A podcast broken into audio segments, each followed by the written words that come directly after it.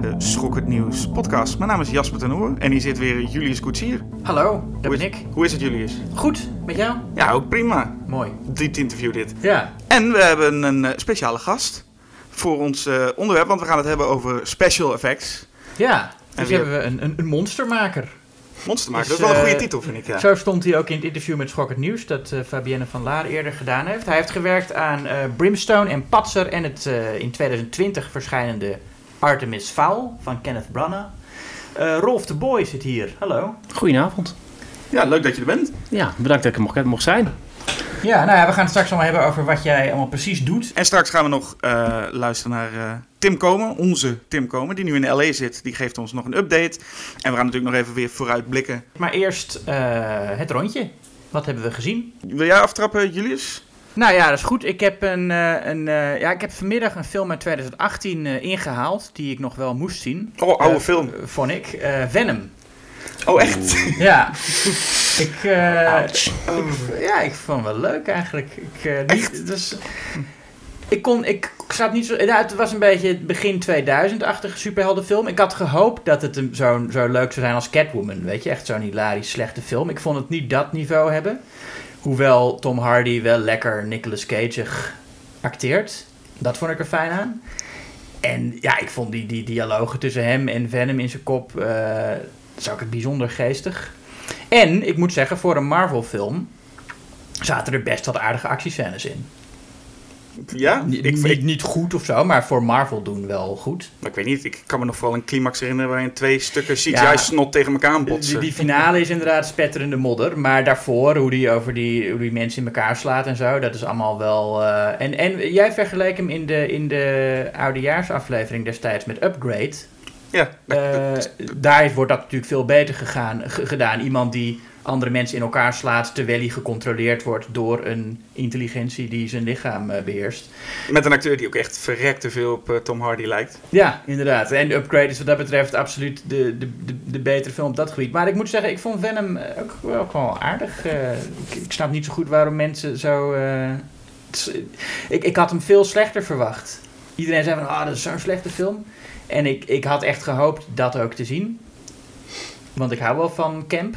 Ja. Maar eh, nee, ik zag het niet. Had hij niet ook gewoon rated R moeten zijn? Eigenlijk toch wel. Dat, ja, dat was leuk geweest. Maar ja, dan had je allemaal CGI bloed gehad ook. Ja, oké. Dat, dat is niet echt... eh, Het was nu zwart. Ja, ja, precies. Ja, klopt. Dat is, ja, ik, ik weet niet, het bleef een, een... Eigenlijk misschien vooral dat ik hem nu niet meer kan herinneren. Ik wilde er nu wel wat over zeggen, maar ik kan me niet meer herinneren. Ik ben die, zegt ook die film meteen vergeten. Ik Ja, weet toch? Ja, nee, maar dat, dat is het inderdaad. Het is een vergeetfilm. Ik heb vanmiddag gekeken. Ik ben nu alweer het merendeel vergeten. Maar ik vond hem niet slechter dan eh, een Captain Marvel of een, eh, of een eh, nou ja, Spider-Man Homecoming is misschien ietsje beter. Maar ik, vind hem, ik vond hem wel een beetje eh, in, die, in die categorie qua vermaak. Of valt er nog iets over te zeggen? Nee, er valt verder niks over te zeggen. Behalve dat ik Tom Hardy wel heel, eh, heel leuk vond. Je vond hem leuk? Oh, ik vond die juist eh, echt, echt zo compleet mislukt. Misschien wat je nu zei, Nicolas Cage was nog wel een goede geweest eigenlijk voor die rol. Ik vond het gewoon een beetje jammer. Tom Hardy is gewoon een beetje verpest voor mij. Door Venom. Ja? Ik nam hem heel serieus. Toen zag ik die film, dacht ik, oeh. Ja, ik dacht dat Tom Hardy had, is altijd wel cool, Tom Hardy. Maar ik En denk ook niet dat het zozeer aan hem ligt. Dat, dat die film zo... dat die film niet werkt. Ja. Nee het, zal, nee, het ligt aan heel veel dingen, denk ik. Maar die, die, ehm, hij, hij speelt de hele tijd... Het was op een gegeven moment wel een beetje klaar met die neurotische trekjes van hem de hele tijd. Hij is de hele tijd soort verbaasd en dan gaat hij in een aquarium zitten. En dan, hij blijft Ja, de hele film een beetje zo, zo verbaasd spelen. Dat is het enige wat hij nu ongeveer doet.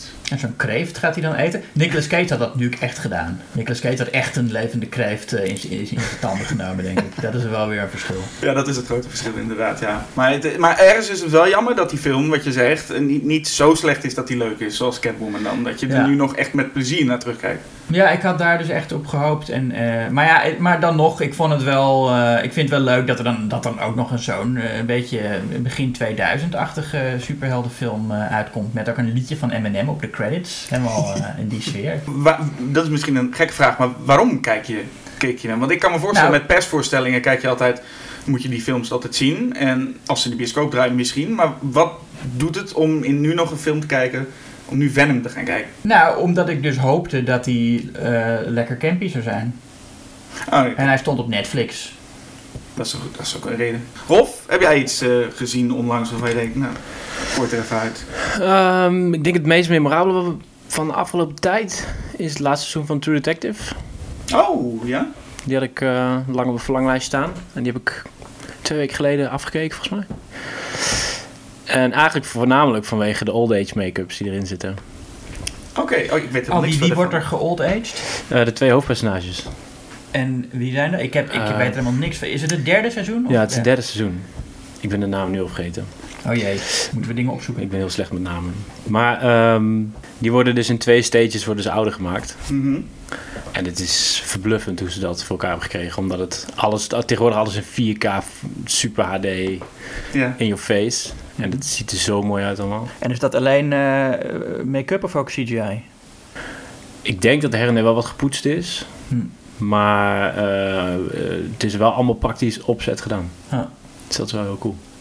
En is het verder een goed... Want ik, weet, ik heb True Detective het eerste seizoen gezien. Vond ik fantastisch. En toen hoorde ik de verhalen van het tweede. En toen ben ik ook maar, heb ik ook maar niet gekeken. Omdat ik dacht, ik wil niet het, de naam True Detective wil ik gewoon ho- Ja. houden als goed in mijn hoofd. Maar heb, Je moet het wel echt als een op zichzelf staand verhaaltje zien. En dat is het ook natuurlijk. En dat vond ik bij seizoen 2 ook, moest ik echt wel een beetje inkomen. Omdat ik dacht van ja, seizoen 1 is zo goed. Dat ga je nooit overtreffen natuurlijk.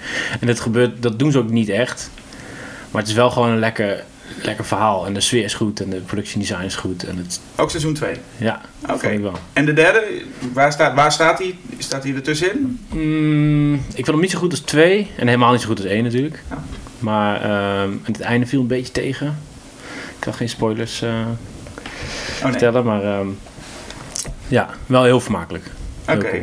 Want ik weet dat in, in, in seizoen 1 met Matthew McConaughey en Woody Harrelson hebben ze ook, zijn ze ook ouder toch? In, eh, hebben ze ouder en jongeren zelf. Maar is daar nou echt, ik kan, kan, kom me niet echt herinneren of daar nou heel veel... Ja, maar er zit denk ik 15 jaar tussen of zo. Dus je ziet niet echt. Volgens mij zijn ze meer vermagerder en een beetje vieziger en kaliger. Maar Ja, dat is volgens mij het zijn ze vooral. niet echt oud-oud. Nee. En nu gaan ze echt van iemand die.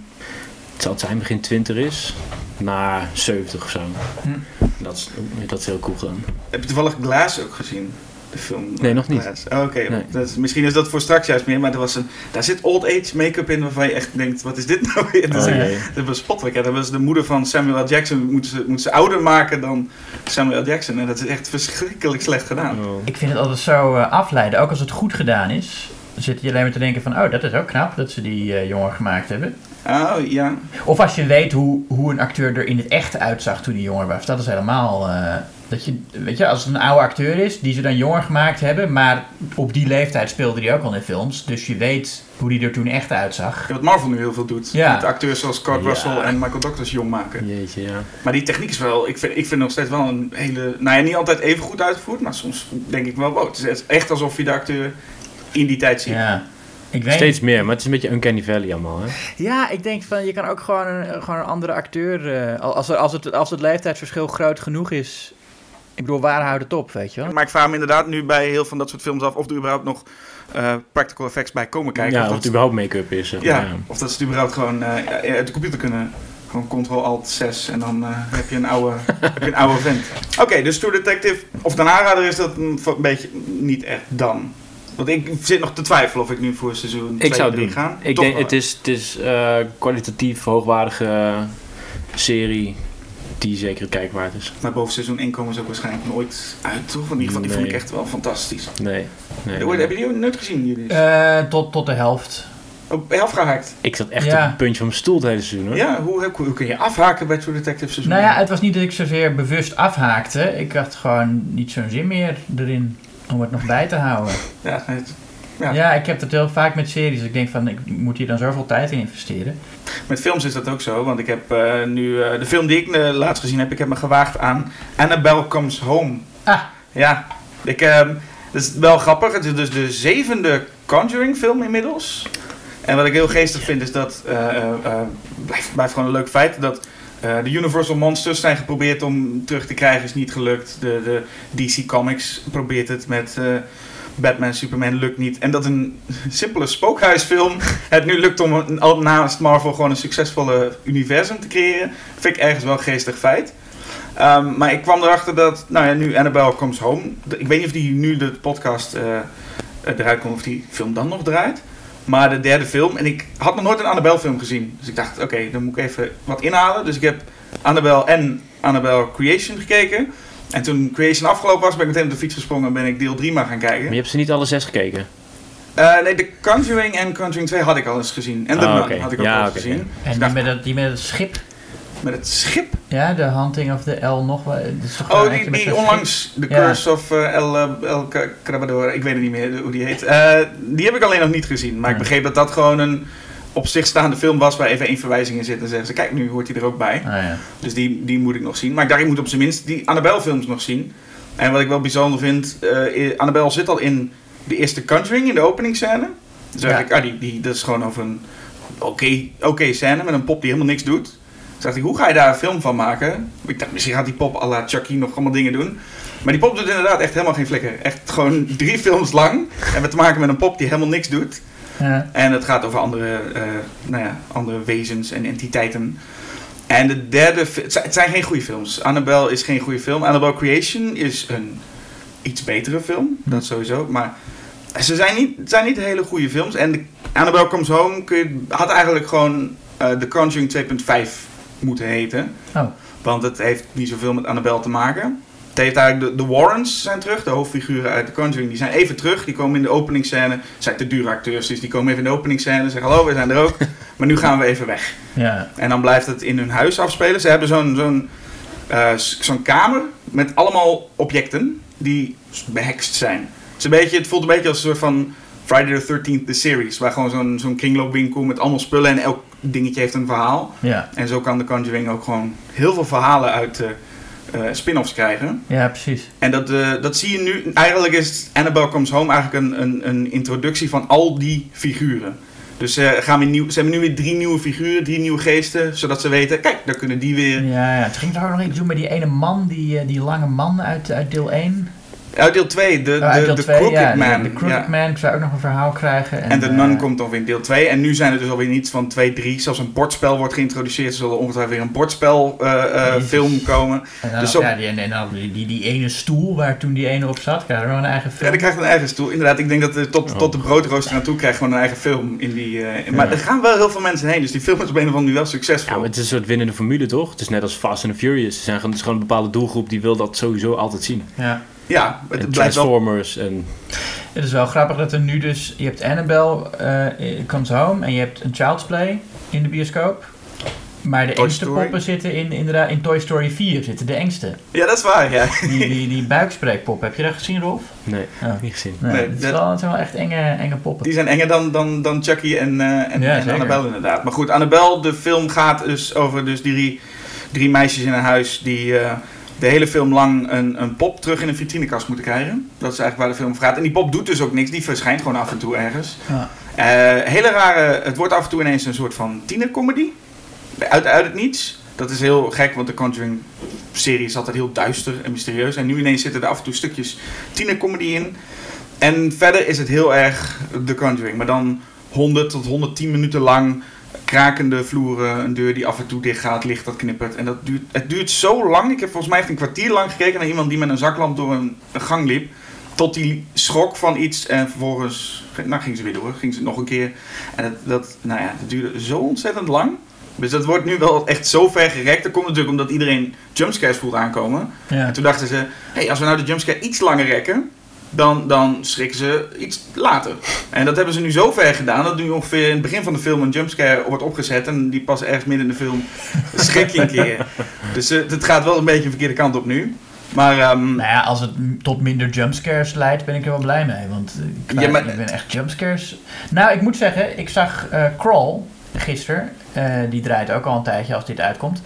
Ehm, daar zaten wel een paar goede jumpscares in. Wat, wat zou dan een goede jumpscare zijn? Nou ja, die, eh, die je niet heel lang voelt aankomen en die wel werkt en die echt voortkomt uit opgebouwde spanning. Ja, ja, dat is het vooral. Je moet ook, de, je moet ook al in die spanning zitten. Ja. En dat is vaak bij die jumpscares niet, het, ge- niet het geval. Bij Annabelle proberen ze het wel natuurlijk steeds. Ze proberen wel steeds van... Maar het is allemaal hetzelfde. Het is allemaal in een donkere ruimte en daar komt er een figuur. En dat figuur verschijnt dan. En dan weet je, oké, die krijgt zijn eigen spin-off. Nou, komt er een andere figuur. Nou, die krijgt ook zijn eigen spin-off. Zo nou ja, het is, het is een, eh, een, een geen, ik zou zeggen Annabelle Comes Home. Ik zou, als ik de luisteraar was, ook gewoon thuis blijven. Ja, weg met eh, de Annabelles. Maar ik kan iedereen dus wel aanraden naar Crawl te gaan eh, in, in de bioscoop. Alligators in, in Florida, waar ze wonen. In een orkaan. En dan een kelder onder water en er zitten dan alligators in. En dat is leuk en het duurt 87 minuten. Dat is ook fijn, hè? Dat is heel fijn. 87 minuten. Hoe lang is dat geleden dat de films na 87 minuten in de bioscoop Ja, zeg, kwamen? en echt lekker. Echt een lekkere ouderwetse creature feature. Eh, dus ik, ik wil ook wel iets aan te raden hebben. Ik, ik, ik, Ja. eh, ja, Crawl, Crawl raad ik echt aan. Oké, nou dan eh, een positieve noot. Laten we dan eens, nu, we hebben het al een klein beetje over gehad, laten we praten over special effects. Jesus Christ!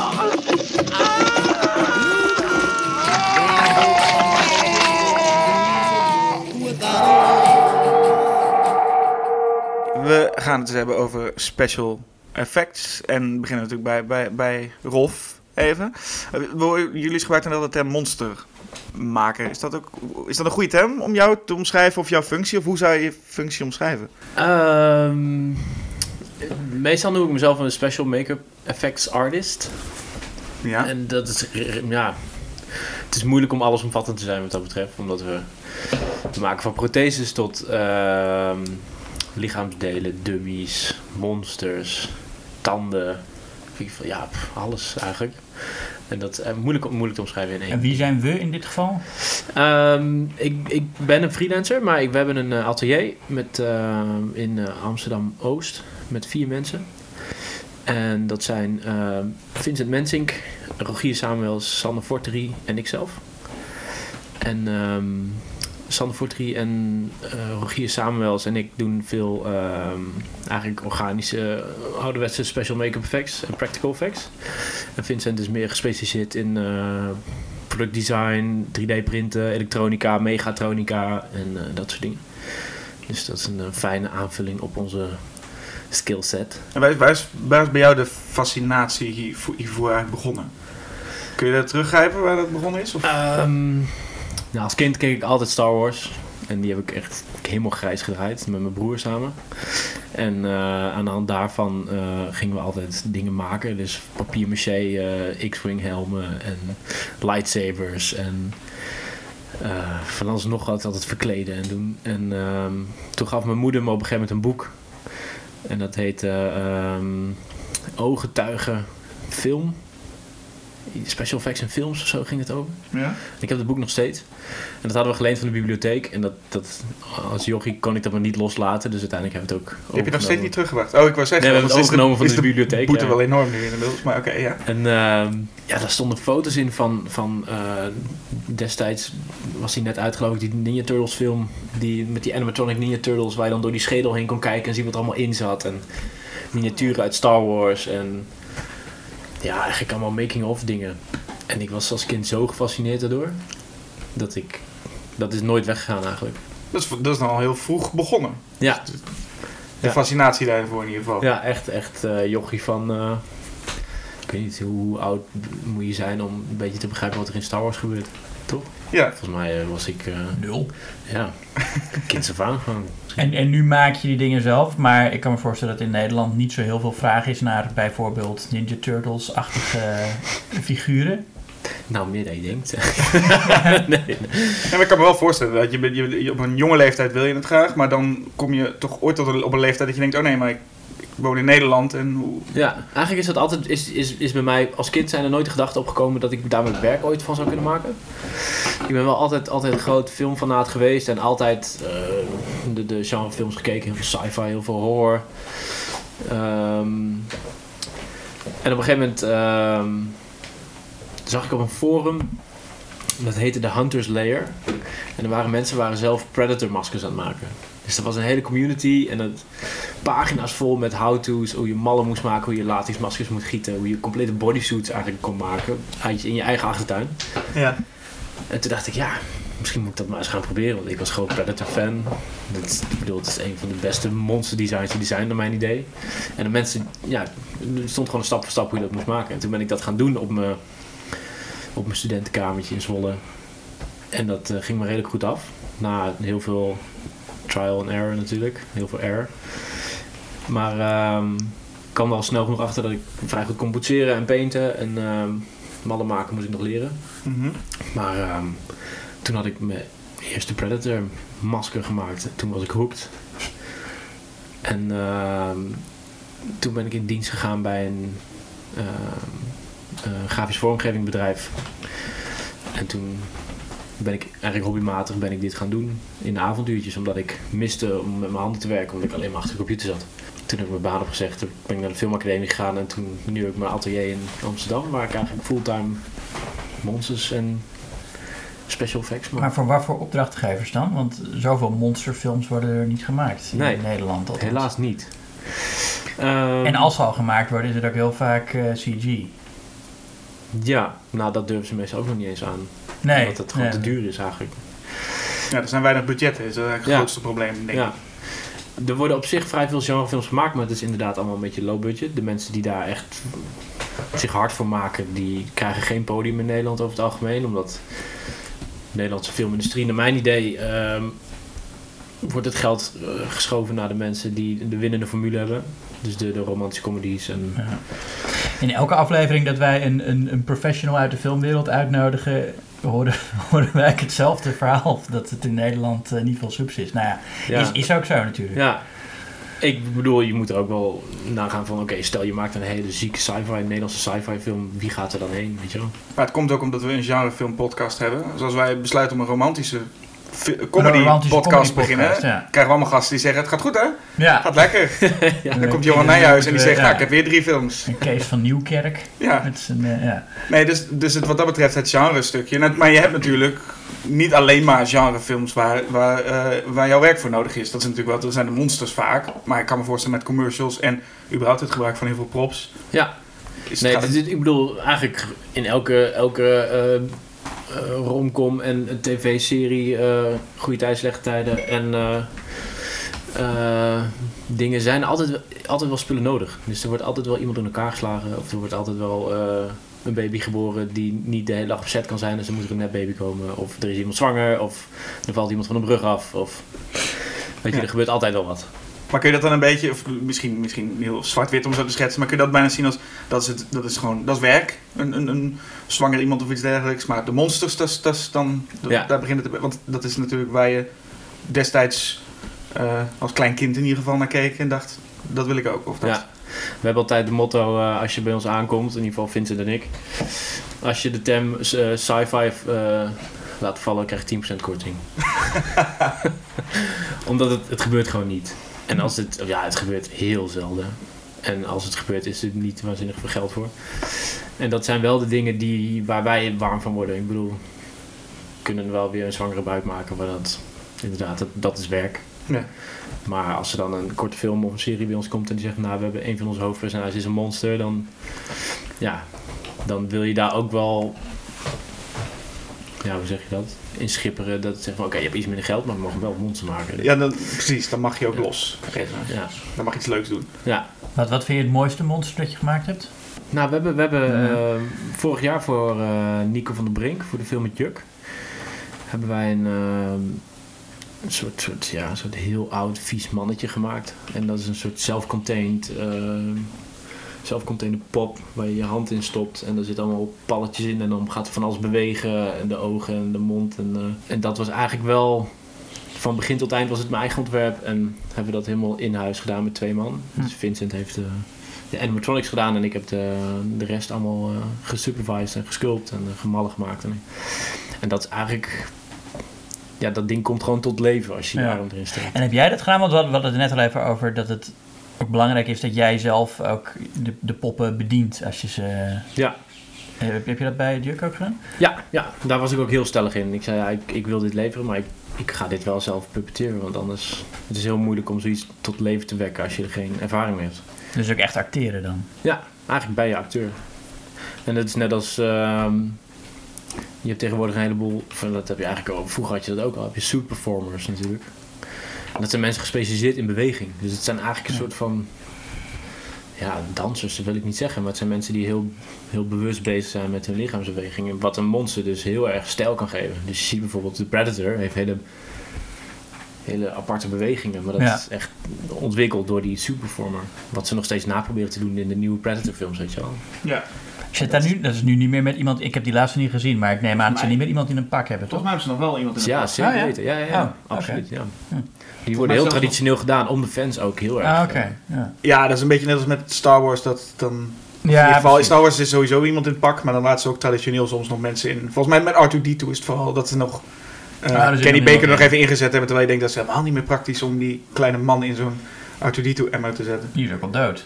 Die is nu inmiddels dood, maar die had wel volgens mij in Force Awakens, geloof ik. Ah, dat hij, ja, nee, Dan laat hem in één shot er even in, eh, in zitten. Maar volgens mij Predator is, is volgens mij is zelfs een acteur die echt non-stop eh, dezelfde, die, die nog Predator Oké. is. Ja.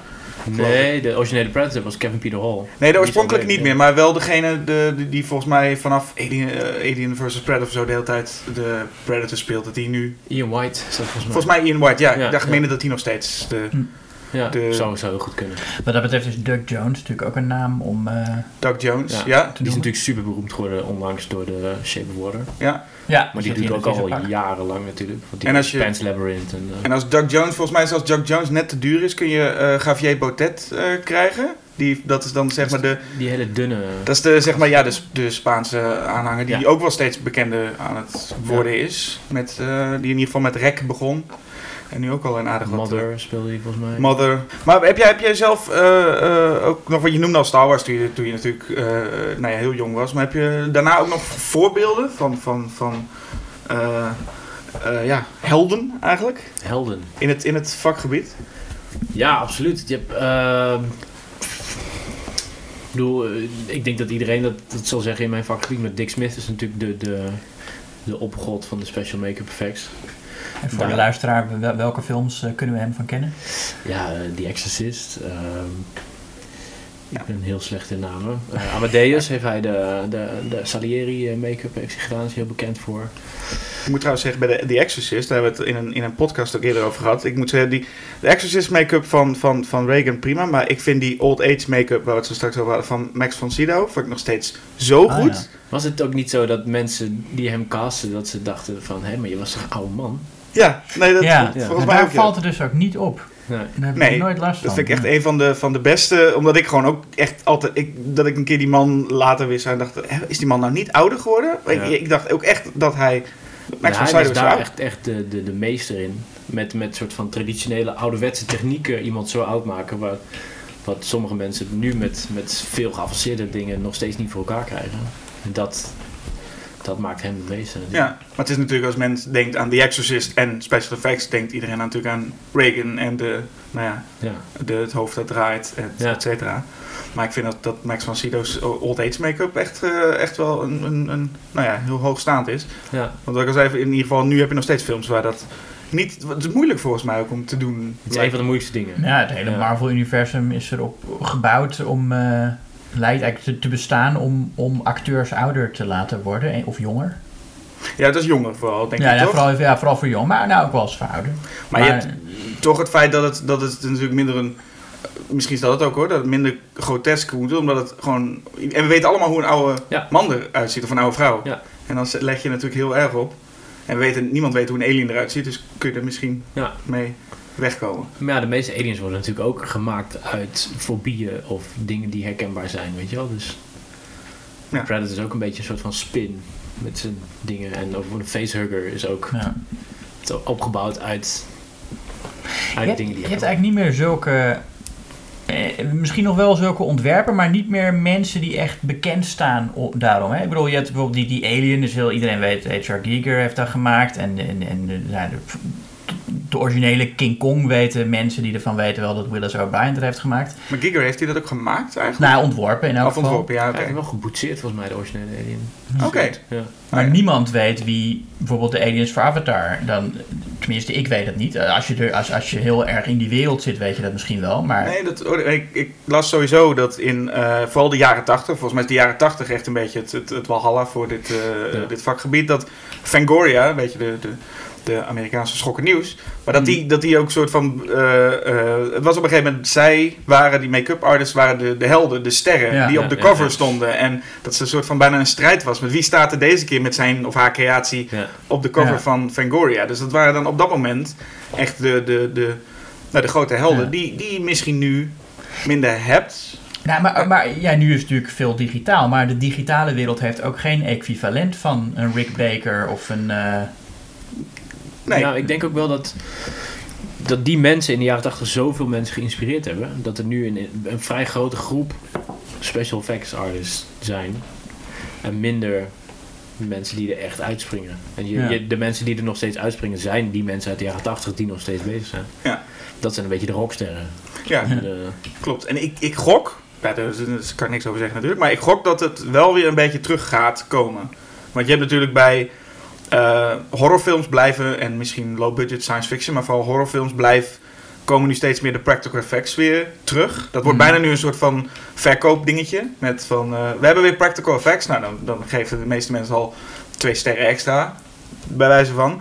Ja. Maar je had in de jaren, ja, wat is het, rond de eeuwwisseling een beetje, dat werd het allemaal de, werd, ehm, de J-horror natuurlijk heel populair. Ja. En dat werd later uiteindelijk helemaal geesthorror, waarbij je niks meer zag. De paranormal activities. Ja. En op een gegeven moment natuurlijk de J-horrors waren allemaal, hè, als het een, een, een jonge dame was met bleek gezicht en zwarte lange haren, was je er al.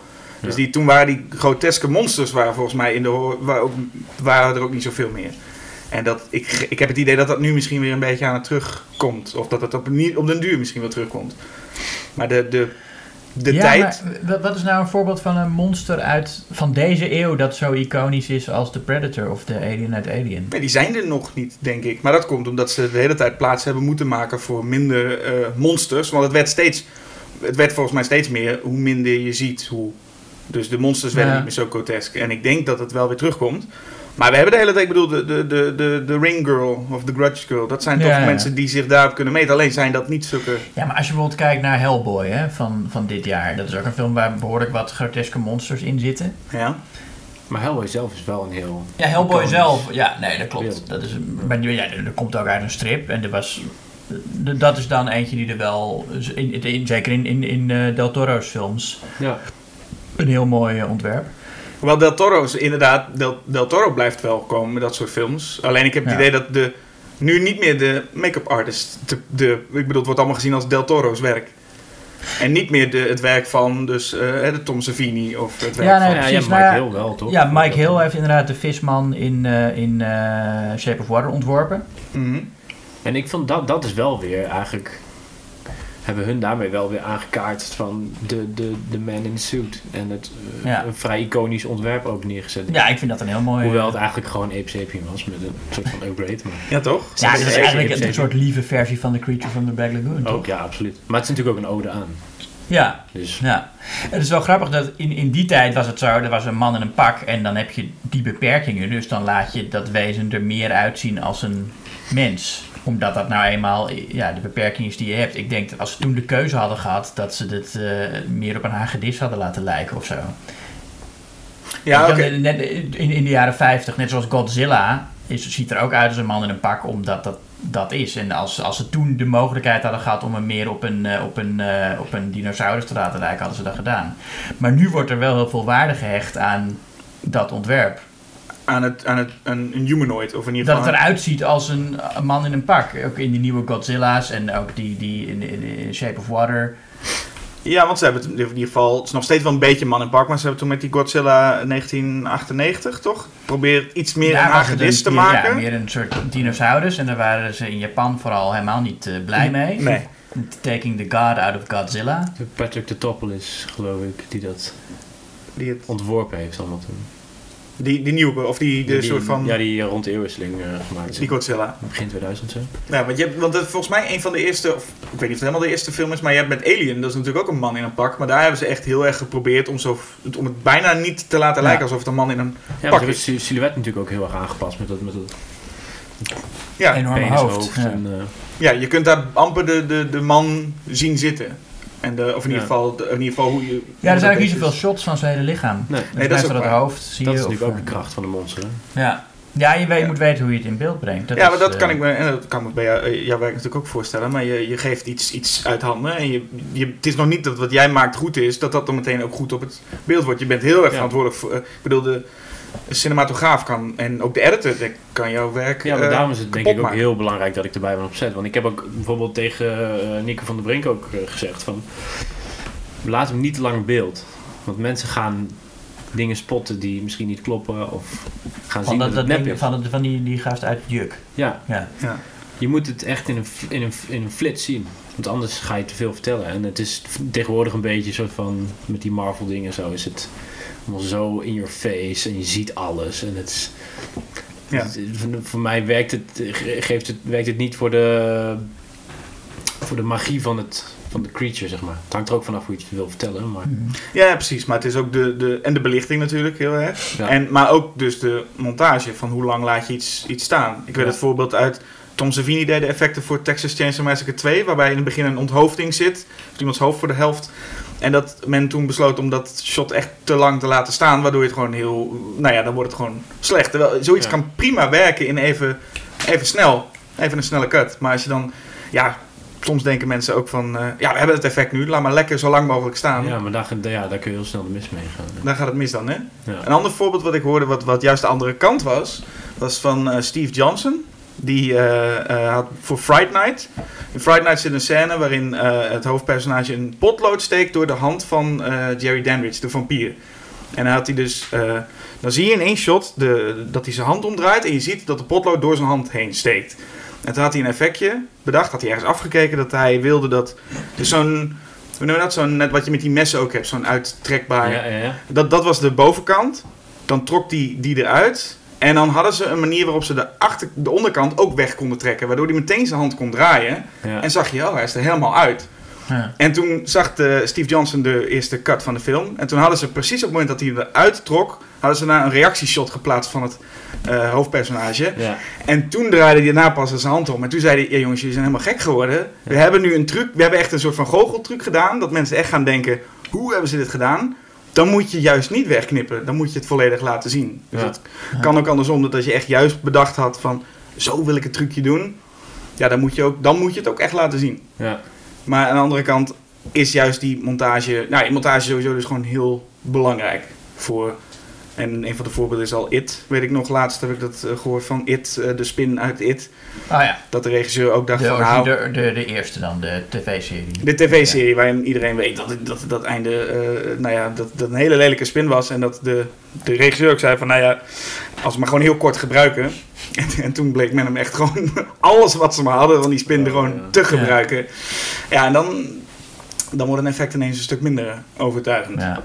ja, waar ik mij vaak aan erger is als ze in een film het monster dan bewust heel lang buiten beeld laten. Want dat is dan spannend.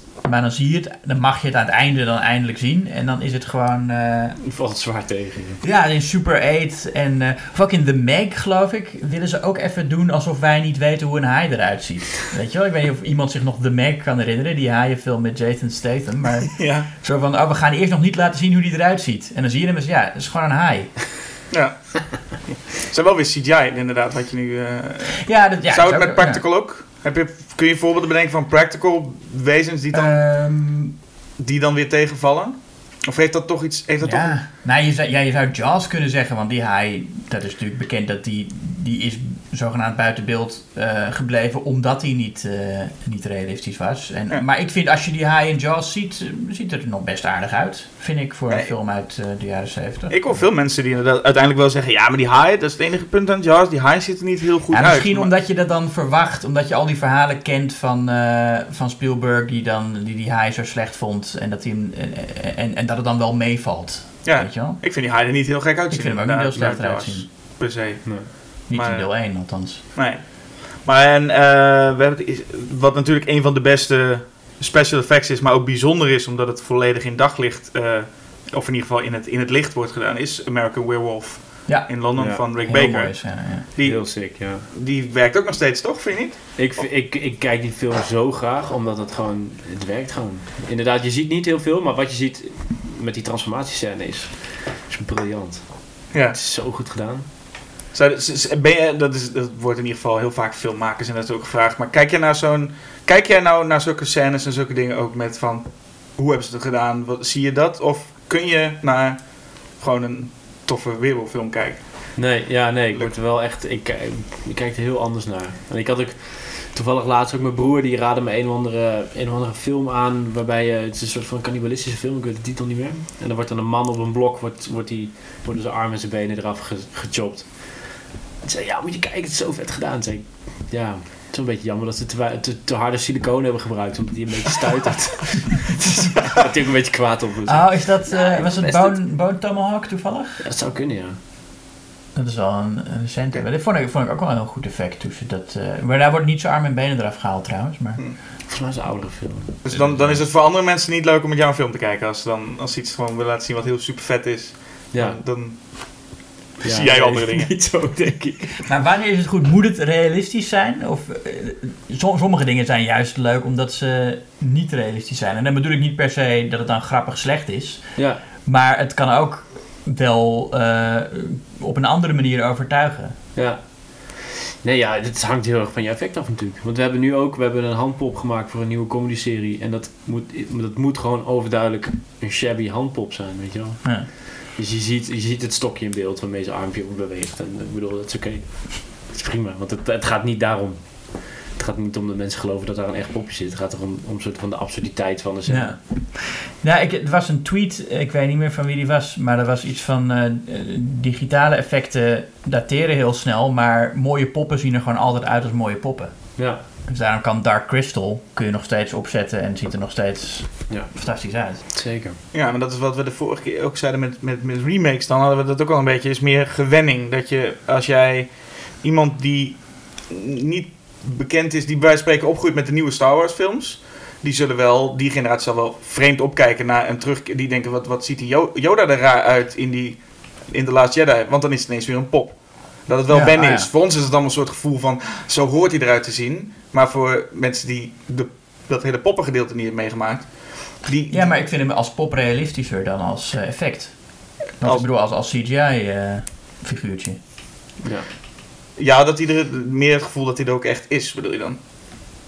Wat is... Oh, ja, ja, dat is toch realistischer? Jawel, maar ik bedoel, het kan ook zijn dat... Ik bedoel, want hij, het articuleren en zo is, is niet per se realistischer. Nee, maar dat, nee, maar dat vind ik... Dat, eh, Het flappert toch nog steeds een beetje alle Muppets met zo'n mond heen ja, en nee, weer. natuurlijk. Maar dat, maar dat is toch minder belangrijk voor, de erva voor hoe je iets ervaart, Ja. lijkt me. Ik vind al die, die, die, die, die details in de beweging, die nu met CGI inderdaad eh, beter kunnen dan met de meeste eh, practicals, Mhm. is toch minder belangrijk voor de ervaring dan de echte, de voelbare aanwezigheid. Ja, oké. Want eh, even- Ja, misschien een, een- een, een logische vraag, misschien krijg je die vaak. Maar hoe kijk jij als dus special effects artist aan tegen CGI? Is het een, is het een vloek, is het een zegen, zit het in het midden? Ik denk als je, als je ehm, ik denk dat je de best of both worlds moet gebruiken. Dus je moet elkaar aanvullend gebruiken. Dus dat kan zijn in, eh, tijdens het ontwerp kun je een fysieke maquette maken die je in je hand kan houden en 360 kan bekijken. En die inscannen en je computermodel van maken. Maar dat kan ook zijn, ik maak een, eh, een prothese make-up met een gedeelte eh, markers en, en chroma key green erin. Die hun weer diepte kunnen geven die ik niet kan geven als ik het allemaal practical zou doen. Ja. Dus ik denk, ja, je moet elkaar helpen. Het is een beetje het, dus, zeg maar het, het draden wegpoetsen is altijd, met CGI is altijd goed, lijkt me. Om, hoe heet dat? Het Ja, mooier te maken. Maar volledige CGI-creaties, dat is. Is of of zijn, ze daar, zijn ze daar dusdanig ook ver? Want ik kan me ook ergens voorstellen dat je, stel dat dat nou echt, nou ja, ook in Nederland komt, dan ben je bijna je, je baan kwijt. Zo even. ja maar daar gezegd. ben ik niet zo bang voor. Nee? Ik heb een scriptie geschreven op de Filmacademie over eh, de, de, de, future of practical effects. Ja? En, en natuurlijk, je hebt de... ehm, eh, begin 2000 heb je eigenlijk vanaf, volgens mij was dat Jurassic Park, heb je een beetje de verschuiving gehad dat iedereen dacht, oh wacht, met de computer kunnen we eigenlijk alles maken. Niet eraan gedacht hebben dat de T-Rex in de regen in het donker stond. En veel eigenlijk practical was, maar... ehm, en eigenlijk uit die scriptie bleek eigenlijk wel dat er zal altijd vraag blijven naar practical effects. Want je hebt ook tegenspel nodig voor je acteurs. En je hebt ook... eh, ja, het, je, hebt het, je hebt het heel vaak fysiek nodig op set. En je ziet ook voor de, voor de belichting en voor... eh, ja, van alles nog wat. Maar de meeste je kunt er een heleboel informatie vanaf In halen. de meeste making-ofs hoor je- is het vaak nu gewoon een tennisbal. Dat is je, dat is, daar mogen de acteurs mee, eh, mee acteren. Dat Ja. zie je in ieder geval heel veel. Ja. Nou ja, ik was eh, laatst op de set van eh, Peter Rabbit 2. Even Zo. braggen. ja, nee, Maar daar zeker. hadden ze wel eh, eh, ook gewoon een echt stoffen konijn. Ja. Dat ze dan gewoon voor, om, om, voor de belichting inderdaad. Zodat die animatoren konden kijken hoe het licht erop valt. Ja. ja, maar dat, hebben ze toch, kun je toch al snel met een, met een soort van bal of voorwerp, kan dat ook. Nou, maar het gaat om een heleboel dingen natuurlijk. Ook, ogen, ook, ook om de ogen, en de Ja. glans op de tanden. En verschillende stoffen. Hij heeft ook zo'n hesje aan en een vachtje. En dan moet je Ja. toch eh, rekening houden met hoe dat reageert Ik op de was lucht. in, in Engeland bezig en toen waren ze eigenlijk net klaar met het draaien van Detective Pi- Pikachu. En dan hadden ze al die fysieke Pokémons hadden ze allemaal gemaakt. Ja. Die Maar- allemaal opzet voor de belichting. Helemaal, eh, Maar goed, dan zeg je nu van, nou ja, of, je- van er is altijd practical nodig, maar ik kan me niet voorstellen dat jij genoegen neemt met, nou, ik ga de rest van eh, mijn leven werk maken wat daarna wat gebruikt wordt voor belichting Ja, en daarna wordt de CGI overheen geknikkerd. nee, nee, nee. We willen niet allemaal de Thing van de prequel van The Thing zijn, waarin we allemaal practicals maken die over. Oh ja, jeetje. Ja. Dat is- Nee. dat is ook wel- Nee, dat is- dat is- Ja, lijkt me dat, dat is echt, echt... Dat is een horrorverhaal toch? Als, je, als, je, als dat gebeurt. iedereen op zijn tenen en die zei... eh, nou, dat kan toch niet? Nee. En je ziet ook... Die film is groot geworden door de practical effects. Ja, want we moeten The Thing sowieso natuurlijk noemen als je het hebt over special ja, effects, toch? Rob Bottin heeft toen hij, weet ik veel, 22 was of zo, die film gemaakt.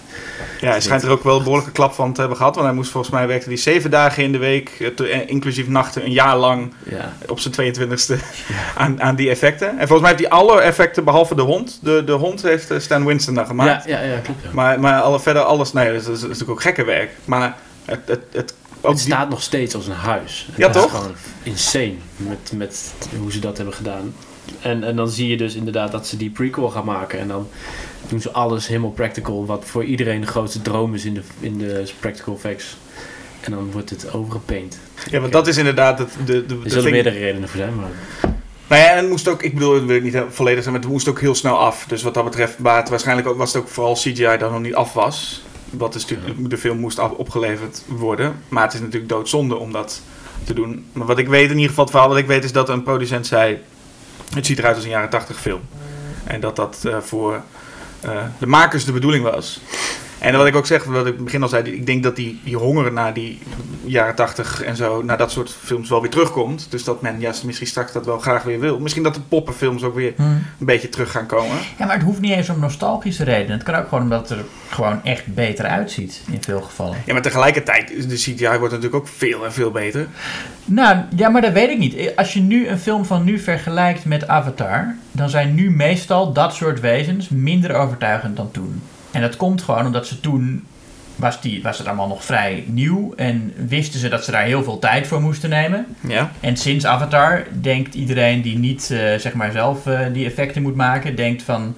Oh, maar dat, je hebt Avatar toch gezien? Dat, we kunnen nu alles. En krijgen die mensen daar veel minder tijd voor, die animatoren. Om iets in elkaar te zetten. En krijg je situaties als, als Hellboy, waar, eh, weet je wel, waar, waar het er allemaal eh, uitziet als, als, als, als een computerspel uit, de- uit eind jaren 90. Maar dat komt ook heel erg omdat ze, naar mijn idee, heel veel, heel veel de physics soort van benden, waardoor het niet meer klopt. Nou, ook dat. Ja. Dus je hebt bijvoorbeeld ook een scène uit, volgens mij is dat Terminator Genesis of zo. Dan valt Arnold uit een auto in de, in de voorruit van een andere auto. En je ziet dus, ja, hij, moet, hij moet voor de scène een bepaalde flip maken, waardoor hij dus op, op die manier in die voorruit komt. Maar er klopt, er klopt helemaal, geen, helemaal niks van. Als je de auto zou vallen, zou je nooit van zijn leven zo in een auto vallen, weet je. Nee. En dat haalt je ook uit de film. Ja, nee, dat is ook een vreselijk effect in Genesis. Dat, nu je dat noemt, moet ik er weer aan denken dat Arnold tegen zichzelf gaat vechten. Ik, heb, ik ben na 20 minuten in slaap gevallen. En, Oh. dus, het, ik, het deed mij helemaal Nou niks. ja, die die film. dan he- ontzettend nep. eh, nou ja, hij, hij moet dan tegen, tegen dus de, de andere zichzelf als Terminator vechten, maar eigenlijk naar de toekomst. Dus ze zijn allebei in dezelfde eh, scène. Maar die, die, die tegenstander, dat, is ook, dat ziet er niet uit. Nou ja, dat is altijd nog beter dan die in die vorige Terminator film. Want daar had je ook even Arnold. Wat hebben ze deze kop eraf geblazen. Toen hebben ze zijn kop erop geplaatst. Ja. Die, is nog, die is nog erger. Maar als we het dan hebben over de CGI, zou jij zeggen, oké, we, noemen, we noemen King Kong.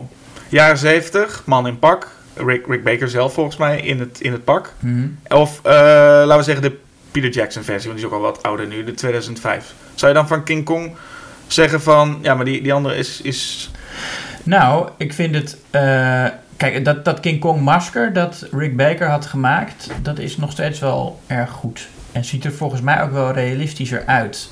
Rick Dan- Baker was natuurlijk ook een koning van, de, van het maken van de aap natuurlijk. Ja. Ja, Maar goed, qua mimiek is die van Jackson natuurlijk veel gedetailleerder. ja. Dus Eh, dus dat is dan da- op dat gebied overtuigender. Dus nou, ik denk dat wat, wat, wat Rolf zegt klopt. Dat je gewoon een combinatie moet hebben. Ja, maar je Dat moet je je- voorstellen dat bijvoorbeeld Rick Baker heeft zijn hele leven... eh, is hij gedoken in hoe apen eruit zien. En degene die King Kong geanimeerd heeft... die heeft waarschijnlijk een paar foto's ernaast gehangen... en die heeft er waarschijnlijk heel lang aan gewerkt... maar die heeft niet dezelfde drive als een Rick Baker. Nee, maar, maar ook nog Andy Serkis heeft, die zit dan natuurlijk in zo'n motion capture Ja. pak. Die heeft volgens mij wel heel erg eh, Ja, zich daarin verdiept voor die Ja. rol. ja, ja dat geloof ik. Dat geloof ik wel. Ja, want dat, werkt dat dan wel? Want dan heb je in principe de- een motion capture is nog wel met wat je zegt, dat voor belichting gebruiken. Dus je hebt nog wel de, de acteur, je hebt nog wel het spel, er wordt alleen CGI overheen gegooid. Is dat dan... Ja, als, als je daar overheen gegooid vind ik ook een beetje te niet doen aan het werk van de... Nee, nee, nee, maar ik bedoel meer, de, de, de, er is, maar daar is nog wel practical. eh, want je hebt volgens mij, als je bijvoorbeeld zo'n van die films kijkt uit begin 2000, dan heb je dat ze echt CGI eh, volledige personages. Gewoon dat. Dan, Ja. eh, en daar zie je natuurlijk in dat het echt, dat, daar is geen mens bij te pas gekomen. Ik bedoel meer juist te zeggen dat bij mo- met motion capture het wel beter wordt. Je dus ook wel echt de bewegingen kloppen. Bedoel je, bedoel je The Rock in The Mummy Returns? Of eh, The Mummy... Dat is een goed voorbeeld van iets wat niet. eh, Inderdaad, zeg. Wat- ja. ja, Ja. Ik denk dat daar een heleboel mensen heel druk mee zijn geweest... maar dat ze geen idee hadden hoe... Wat hun limiet... Ja, Ja, men had volgens mij, eh Spawn komt ook in, in, in mijn Ja, hoofd. ja, met, ja, met. Met, maar volgens mij was dat gewoon een tijd waarin men dacht dat ze ver waren. ja. En, en wat niet het geval was. Of misschien waren ze toen wel ver, maar... Ja, maar ja, dat heb je ook gewoon nodig, weet je wel, voor... Je, je moet ergens beginnen. Ja. Ik bedoel, als je, als je, ik zag laatst Toy Story 2 weer, ziet er ook niet uit. Alles in die film wat geen speelgoed is, is gewoon, ziet er niet Ja, uit. klopt. En Dat het is een stelkeuze, hè? Was het het is toch niet hyperrealistisch neergezet? welke die, die Nee, Toy maar- Story? Ja. Nou, je hebt in Toy Story, volgens mij de eerste, kan ik me herinneren, was sowieso dat, dat mensen hadden ze gewoon echt zodanig, en vooral honden hadden ze niet onder de knie. Nee, want die, die hond, dat moet dan een echte hond zijn. Dat is, dat is inderdaad heel... Dat is echt lelijk. En de achtergrond is allemaal, allemaal blokkendoos en zo. Ja, ik bedoel, ja. dat ziet er, en nu is dat veel mooier. Ja. En, en nu, is het, nu is het ook nu is het voorbij realisme. Nu is het een soort... Er zit in, in die Toy Story 4 opent met een regenbui. Waar echt die regendruppels, die zijn zo overdreven regendruppels. Dat ziet er niet realistisch uit. Maar wel, het geeft wel echt het gevoel van een regenbui. Ja. Dateren eh, zulke practical effects ook snel? Vraag ik mij wel eens af. Ik denk nou, bijvoorbeeld als je King Kong uit de jaren 70, dat is behoorlijk snel gedateerd. eh, Ja, maar, maar was dat toen niet al een beetje, of in ieder geval, was, men- was dat toen baanbrekend? Vraag ik mij af in ieder geval, of, of King Kong toen werd gezien als van, nou, beter dan dit wordt het niet. Want dat heb ik het idee dat men dat nu heel vaak zegt. Ja. Dat men de hele tijd bij, misschien dat men dat bij de eerste Toy Ja. Story ook wel zei. Van, nou, zo jongens, we zitten aan de, het plafond hoor. en dat blijft dan zo doorgaan. Nou, ik, had dat, ik moet zeggen, ik was toen, ik was toen eh, een kind toen die uitkwam. Maar eh, de, de, de, de vroege Pixar films die uitkwamen toen ik een beetje oog begon te krijgen voor of iets, vond ik ook al lelijk. Dacht ik ook al, dit is nog niet waar het moet zijn. Bij Finding Nemo en Ratatouille. Ja, oké, maar laten we nemen, nemen dan even. Die, die nieuwe Lion King komt binnenkort uit. Ik Ja. heb het idee dat heel veel mensen hè, dit dan gaan zien en alle recensies zal weer staan. En dan moeten ze misschien ook maar gewoon mee stoppen, want dat moet je bij Pixar ook niet steeds doen. Elke recensie komt weer te staan. Nou, ze zijn weer wat stappen verder met de, de techniek, maar denk dat bij de Lion King dat heel veel mensen zijn. Nou, dit is zo. Nou, nou zitten we aan een. net als ieder computerspel wat je voor je krijgt, dat je denkt, wow, we dit- zijn ik heb dit nog nooit gezien. En dan tien jaar Mm. later kijk je daarop terug en Ja. denk je, wow, het is eigenlijk wel kut, hè? Maar de vraag is dus, is dat bij Practical ook zo? Want ik, we, we hebben het nu dan over American Werewolf. Misschien hebben we het ook over de goede hoor, natuurlijk nu. Maar American Werewolf in London, The Thing. Ik bedoel, er zijn allemaal toch... Allemaal effecten Mhm. waarvan wij allemaal zeggen... Of zij, kijken wij met een soort van roze bril omdat we dat toffe films vinden? of zijn dat ook denk- gewoon ik- ik denk- effecten die moeilijker zijn te eh, Ik denk dat je nog steeds niet, niet veel beter kunt dan eh, American Werewolf. Op een paar shots na is dat toch wel echt. Ja. Kom je daar niet overheen. En ook The Thing en, The Fly wil ik ook dan nog even noemen in die Ja. categorie. Ja.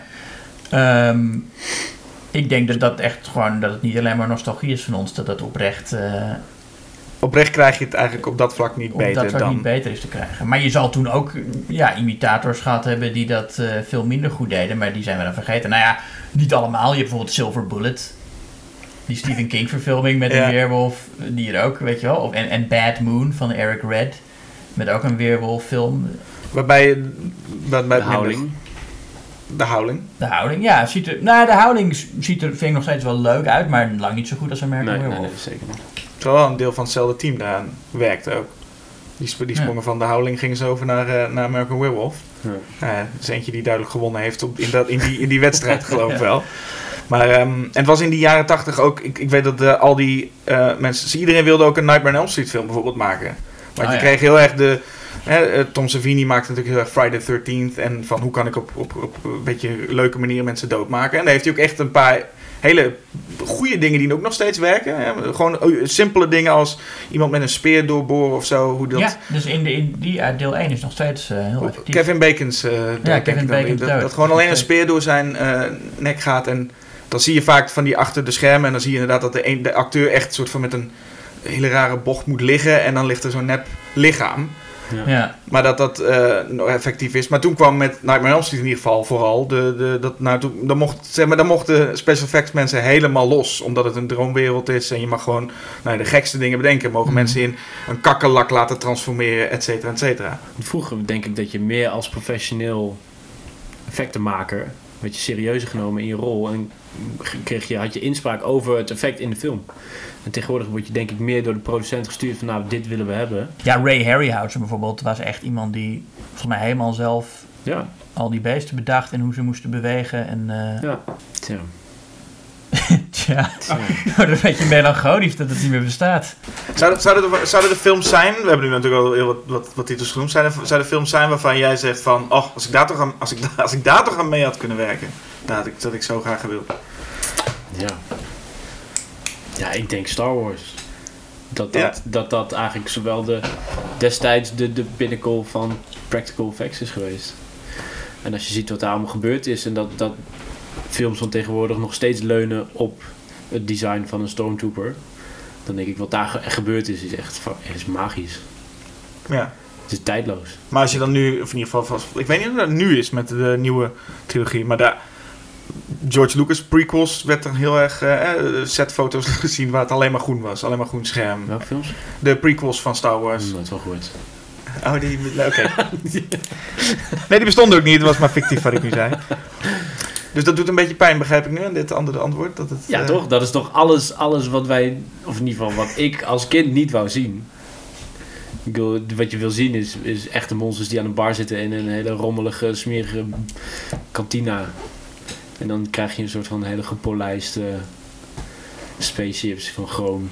Dat je denkt, ja, de used universe, dat was de kracht van, Ja. van Star Wars. Ja, precies. Blijven negatief, we gaan er steeds negatief, hè?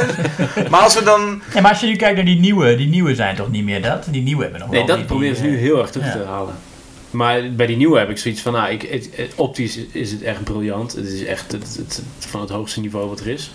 Mhm. En het ziet, eh, het, het ziet- je, je gelooft het ook allemaal. Alleen verhaaltechnisch is het, ja. Ik weet ook niet of ze ooit een Star Wars film kunnen maken die mij echt zal pleasen als fan. Maar ik denk dat een heleboel fans dat hebben. Ja, want qua verhaal is het ook niet. Ik bedoel, die, die, die eerste trilogie was ook toch geen eh, baanbrekend verhaal. Nee, en ik denk dat het ook meer te maken heeft met het feit dat je hem als jong kind hebt gezien.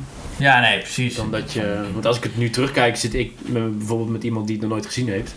Ik zit er compleet in. En ik praat Ja. elke zin mee en van alles en wat. Maar dan als ik degene die naast me zit die nog nooit gezien heeft, zeg wat is dit nou voor kinderachtige, slechte, f- corny, corny fantasy film, weet je wel. Dus, En- ja. En wat, is binnen, wat, wat vind je binnen de, de Star Wars de beste, beste creatie? Of beste... Nou ja, of monster of prop of wat dan ook. Wat, wat, wat is nou echt een ding waarvan je denkt, nou die... Boba Fett.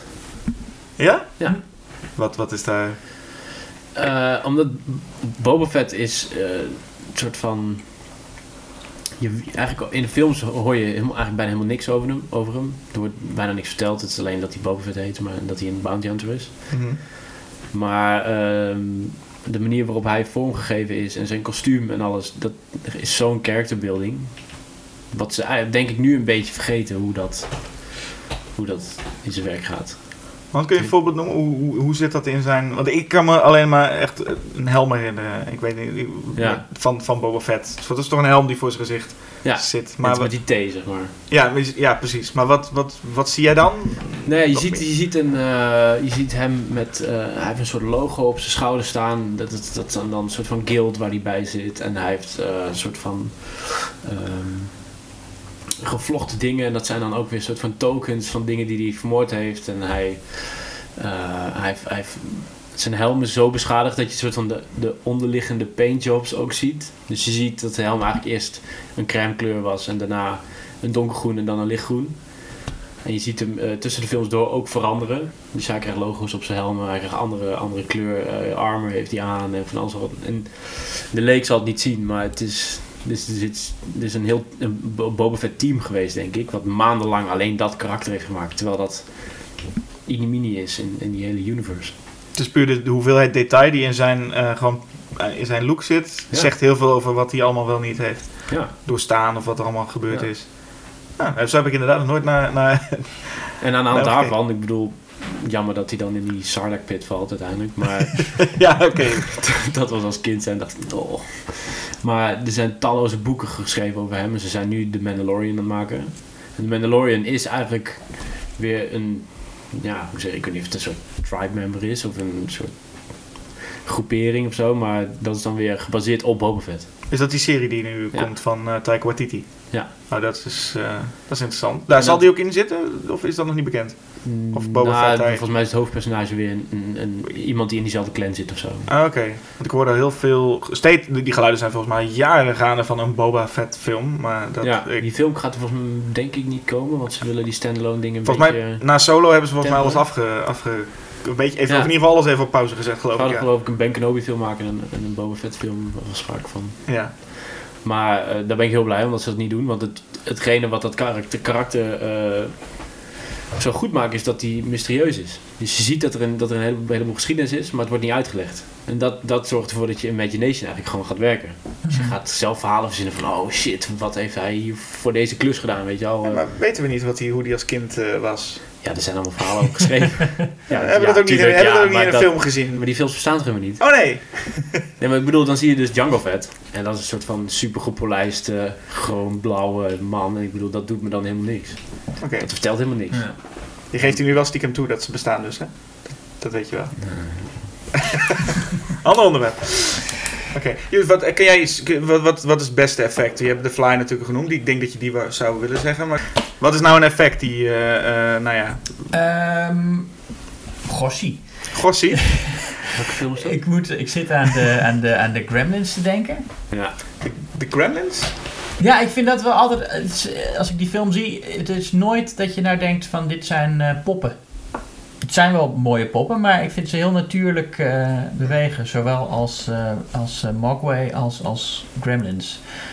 Zowel 1 als 2.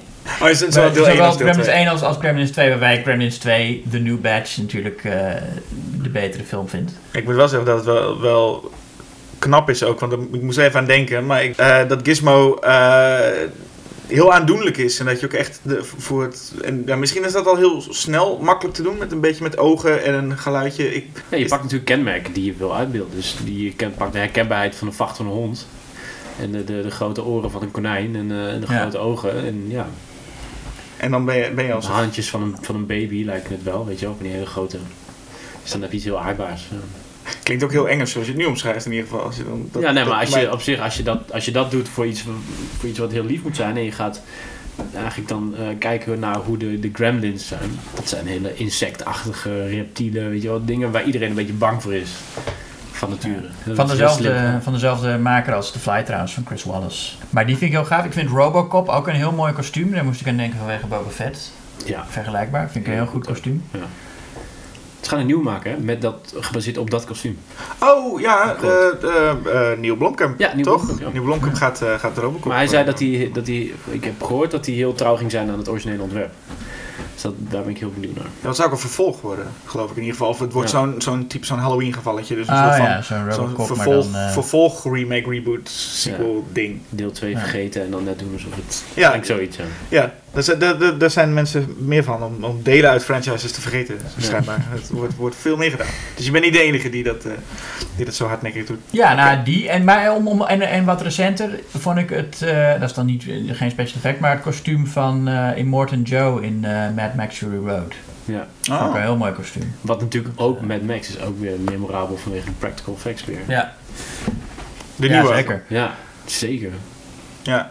Maar ook dat, ja, dat kostuum, nou ja, dat is net als het Boba Fett verhaal. Er je ziet meteen een heel verhaal met al die medailles op zijn, eh, op zijn pak. En dat hij dat allemaal, ook hoe hij het aankrijgt in de openingsscène. Dan zie je dat hij eigenlijk een heel zwakke oude man is. Die door allemaal helpers in zo'n in, in, in zo'n eh, armor wordt ge- geholpen. Überhaupt die film gewoon. Ik vind dat ze dat... ehm hoe heet die regisseur ook weer? George Miller. George Miller, ja. Op zijn, eh, hoe oud zou die man zijn? Eind, eind 70, begin 80. Ja, zoiets. Dat hij even iedereen laat zien hoe, hoe je een echte actiefilm Ja. maakt. Ja. Ik vind Ja, dat is echt geweldig. insane. ja, dat is ook zo goed. En ik moet zeggen dat ik een van de, over die grittiness gesproken, met- dat ik een van de meest simpele, maar wel goede mm, effecten of maskers eigenlijk, is eh, Leatherface in de eerste Texas Chainsaw Massacre. Ah, ja. En dat dat een, in sowieso een interessant concept is. Ja. Maar wat mij ook heel erg opvalt, wat, ik, wat je merkt als je dan... Want Tom Savini deed deel 2. En daarin, en dat zei de, de, de maker van de eerste film, zei dat ook. En misschien ook een beetje omdat hij dat, eh, omdat hij dat haat misschien. Maar Robert Burns, die zei... Ja, je ziet aan de, in, de, in deel 2, zie je Tom Savini een die een masker heeft gemaakt.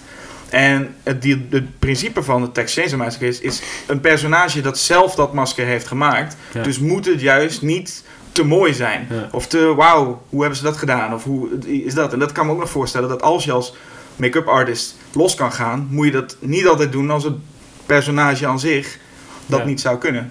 En dat vind ik bij de Texas Chainsaw Massacre de eerste wel echt, dat dit voelt echt alles in die film, qua props en zo, voelt allemaal alsof dat door Ja. die familie zelf is gemaakt. En het voelt niet alsof daar een eh, make-up artist achter zat.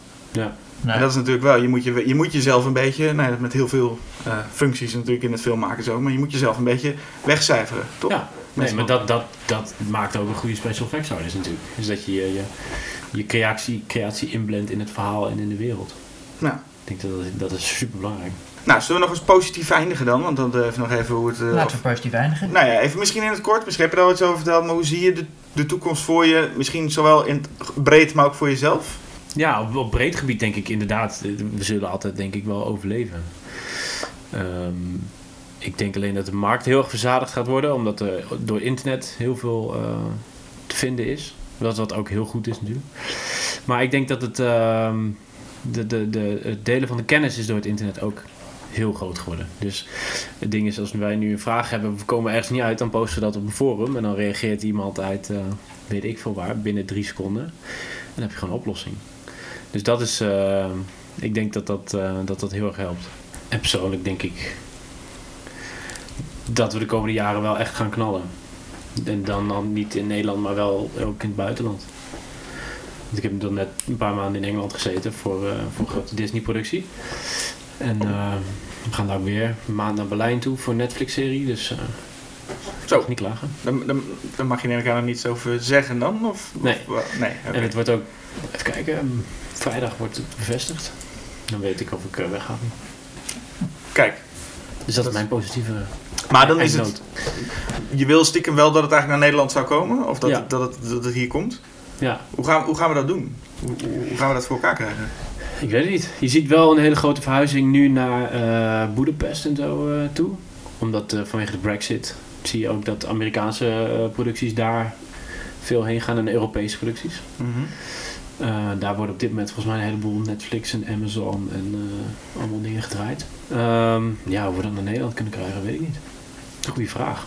Moet hier meer... eh, in ieder geval, de, de, de, nou ja, de jonge filmmakers moeten allemaal met elkaar gewoon blijven... Blijf science fiction, blijf horror, blijf dat Ja. eh, schrijven en maken. Ja. Wat kunnen ze doen? Want ik kan me voorstellen dat het budget natuurlijk niet altijd toereikend is om maar hele grote uit te pakken met special effects. Ja. Wat, eh, wat zou je ze de- adviseren? ja, ik zou, ik zou zeggen, kom, kom op tijd langs met je verhaal. Of met je idee. En dan kunnen we altijd kijken of er een oplossing is. En ik moedig iedereen aan die dat wil maken. Dus Heb jij nog een positieve laatste... eh, of, eh, nee. Laten we... Nou. Nou, ik kan me aansluiten bij, eh, bij wat er gezegd wordt. Laten we, eens, eh, laten we eens vooruit gaan blikken. Maar eerst luisteren naar Tim. Hallo lieve vrienden van Schok het Nieuws. Dit is Tim Komen, jullie voormalige host van de podcast. En inmiddels alweer een tijdje weg om ehm, de film Meet Jimmy te produceren voor uh, Paramount. Die hebben we verkocht een tijdje geleden. Ik schrijf hem ook samen met uh, twee broers uit Boston. En we zijn inmiddels verhuisd naar LA om hier uh, eigenlijk zo dicht mogelijk bij het proces te zitten. We zitten hier inmiddels over twee maanden. Dus ik samen met de regisseur David-Jan Bronsgeest. En we hebben een, um, een mooie reis tot nu toe. We zijn um, twee maanden geleden hier aangekomen. Toen was het nogal rot weer. Inmiddels hebben we ook een paar aardbevingen overleefd. en um, leren de stad steeds beter kennen. Is een hele grote stad. We zitten in, in een, um, eigenlijk een beetje het, een, een, klein dorpje midden in de stad. Dat heet Echo Park. maar zo bestaat eigenlijk LA uit allemaal kleine dorpjes en wijkjes. Dus daar um, hebben we heel erg naar ons zin. En zijn we dus vooral aan het schrijven. aan het toewerken naar de vierde versie inmiddels van het script. Die gaat aankomende vrijdag de studio in. En dat is natuurlijk een hartstikke spannend de deadline. Um, en de film wordt steeds beter. Dat is heel tof. Onze schrijvers, het schrijversduo, de Rasmussen Brothers, die samen met mij aan deze film werken, die hebben inmiddels ook een film Crawl uitgebracht. Die draait nu in de bioscoop. Die is ook van Paramount en die doet het volgens mij best aardig. Dus dat is altijd goed nieuws voor ons. Um, maar zoals het hier wel veel tegen ons wordt gezegd, is het altijd een, uh, ja, een, natuurlijk een spannend avond. Iedere film is een, is een spannend avontuur, of het wel of niet gemaakt gaat worden. En daarin um, uh, worden we ook wel een beetje behoed voor teleurstelling en ook voor soms juist verrassingen. Uh, waarbij ook positieve verrassingen, waarbij ineens dingen in stroomversnelling raken of juist heel erg lang op zich laten wachten. Was bij, dit, bij deze film eigenlijk nog niet echt gebeurd. We wisten dat het een tijdje ging duren. Ook omdat we twee productiebedrijven hebben die eraan aan gekoppeld zijn. En dus in totaal drie schrijvers, inclusief ik. Uh, David Jan die gaat het regisseren. En we zijn hopelijk na deze versie klaar voor pre-productie. En dan kunnen we gaan toewerken naar de shoot. Wat heel spannend gaat worden. Um, maar we zijn hier niet alleen voor Me Jimmy. We hebben ook um, een aantal andere mensen hier gesproken. Dat hebben we in januari ook gedaan. Toen zijn we hier drie weken geweest om uh, general meetings uh, te doen. Dat zijn meetings waarbij je eigenlijk allemaal uh, productiebedrijven en studio's spreekt om ja, te praten over toekomstige projecten en jezelf voor te stellen. Um, dat is nu wat meer op een lager pitje, omdat we veel mensen hebben gesproken en op veel mensen ook nog, uh, uh, nog, nog reageren met, met werk. En we hebben wel, um, bijvoorbeeld vorige week hadden we een gesprek bij, Lionsgate. We zijn volgende week zitten we met de jongens van Avengers, die regisseurs, die hebben een um, uh, eigen productiebedrijf hier. En dan wordt er ja, mogelijke projecten besproken. En zo hebben we nu, denk ik, nog iets van vier of vijf dingen die zo in de lucht hangen, maar waarvan, we dan, waarvan het altijd spannend is wat, wat er gaat vallen. Um, ook in Nederland zijn we nog steeds actief. We hebben namelijk een film daar ontwikkeling samen met Kaap Holland. Dat is de, um, de producent van onder andere Bombini Holland en van de Marathon. En die, hebben, uh, die willen graag een horrorfilm met ons maken. En daarvoor hebben we research gedaan in New Orleans. Dus we zijn laatst een week naar New Orleans gegaan en hebben daar um, ja, hele, vette, hele vette dingen meegemaakt. En uh, echt een ontzettend goede inspiratie op gedaan. Dus dat gaat ook heel vet worden. En um, we zitten hier dus nu nog een maand, waarbij we ook nog naar Montreal gaan aankomende week voor een jury van een filmfestival waar we in zitten. Een Shorts to Features jury, waarbij uh, Canadese projecten zich aan ons gaan uh, voorstellen. En dan gaan wij kijken genreprojecten, dus science fiction en horror. Um, en dan gaan we kijken naar uh, wat wij, wat, ja, wat voor advies we kunnen geven om het soort van naar het volgende, ja, naar het volgende level te brengen, om te ontwikkelen. Eigenlijk een beetje de het ding wat wij hebben meegemaakt in het afgelopen jaar. En nou, dat gaat dus erg, erg goed. We zijn ook veel, uh, veel lekker de stad aan het ontdekken. Uh, David Jans vriendinnetjes langs geweest. Uh, er komen wat meer vrienden van ons langs. We zijn naar Las Vegas geweest. wat echt te gek was. Dat was dan gewoon een kleine vakantie. Um, en we gaan nog een trip doen naar San Diego. Zo zitten we hier eigenlijk een beetje met... Ja, ook nog met een kleine Nederlandse delegatie eigenlijk. Die we ook al hebben gezien. We hebben inmiddels we hebben laatst um, geluncht met, met Paula Loos. Dat is de production designer van... Passengers, met um, die film met uh, Chris Pratt en um, Jennifer Lawrence. Zij uh, zit hier ook al een tijdje. Ze heeft ook allemaal waardevolle tips gegeven. We hebben laatst ook uh, wat gedronken met Diederik van Rooyen. Die jullie waarschijnlijk wel kennen van The Possession of Hannah Grace, de regisseur. En van Penosa natuurlijk. Die heeft ook al een tijdje, die zit hier ook al een tijdje. En die wist ook allemaal tips over de, over de business, maar ook over de stad. Dus dat is altijd heel waardevol. En we hebben laatst ook met ehm, de manager van Junkie XL, die heeft hier een huis. Dus daar zijn we gaan lunchen. En dat zijn eigenlijk hele leuke dingen om dat mee te maken. Onze fellow uh, Dutchie, Yveske van Berkelaar, die heeft een uh, selectie op Fantasia. Die, uh, zij is regisseur, werkt ook voor, schrijft ook voor Schokkend Nieuws. En ik zie haar volgende week dus in Canada. of aankomend weekend eigenlijk al. in Canada, in Montreal. En daar uh, presenteert zij haar film, waar wij dus in die jury zitten. Dat is altijd heel leuk om elkaar een beetje tegen te komen op festivals en, um, en in andere steden. Want dan zoek je elkaar toch wel op. Dat is wel grappig, maar ook, uh, ook wel logisch natuurlijk. Uh, dat tot zover eigenlijk mijn, mijn update. Um, er komt vast nog veel meer aan de aankomende, aankomende tijd. Dus ik hou jullie op de hoogte. Me Jimmy komt hopelijk volgend jaar uit. dus ga hem dan kijken. Maar um, uh, we, zijn, uh, we zijn met allemaal leuke dingen bezig. Dus wie weet komt er wel iets eerder uit. Zo weet je, dat, je weet nooit hoe dat gaat hier in Hollywood. Oké, okay, door rustig gaan. Geniet van de zomer. Bye. Dankjewel, Tim. Nou, uh, vooruitblikken dan. Jasper. Ja. Zeg het eens. Zeg het eens. Waar nou ja. blik je naar vooruit? Ja, ik merk dat ik iedere keer als we deze, deze podcast doen... Inmiddels zijn zoveel titels al voorbij gekomen... dat ik altijd denk, ja, we, we, hebben heel veel al benoemd. Dus ik ga nu even voor uh, It, It Chapter 2. Okay. Duurt nog heel even. Maar er komt ook dus al een klein beetje een, een, een voorproefje voor de nieuwe Schokkend Nieuws. Uh, want daar zit ook een artikel in. Niet heel, niet heel toevallig door mij ook geschreven. Maar daardoor ben ik een beetje weer gaan verdiepen in It. En vooral ook die miniserie. En meteen heb ik even een, een, extra voor de video. Dus zie ook schokkend nieuws op, uh, op YouTube. Want daar gaat, ook een, uh, daar gaat het ook over. Maar goed, ik heb me dus helemaal verdiept in een beetje in uh, It. En ik heb ook de miniserie opnieuw gekeken.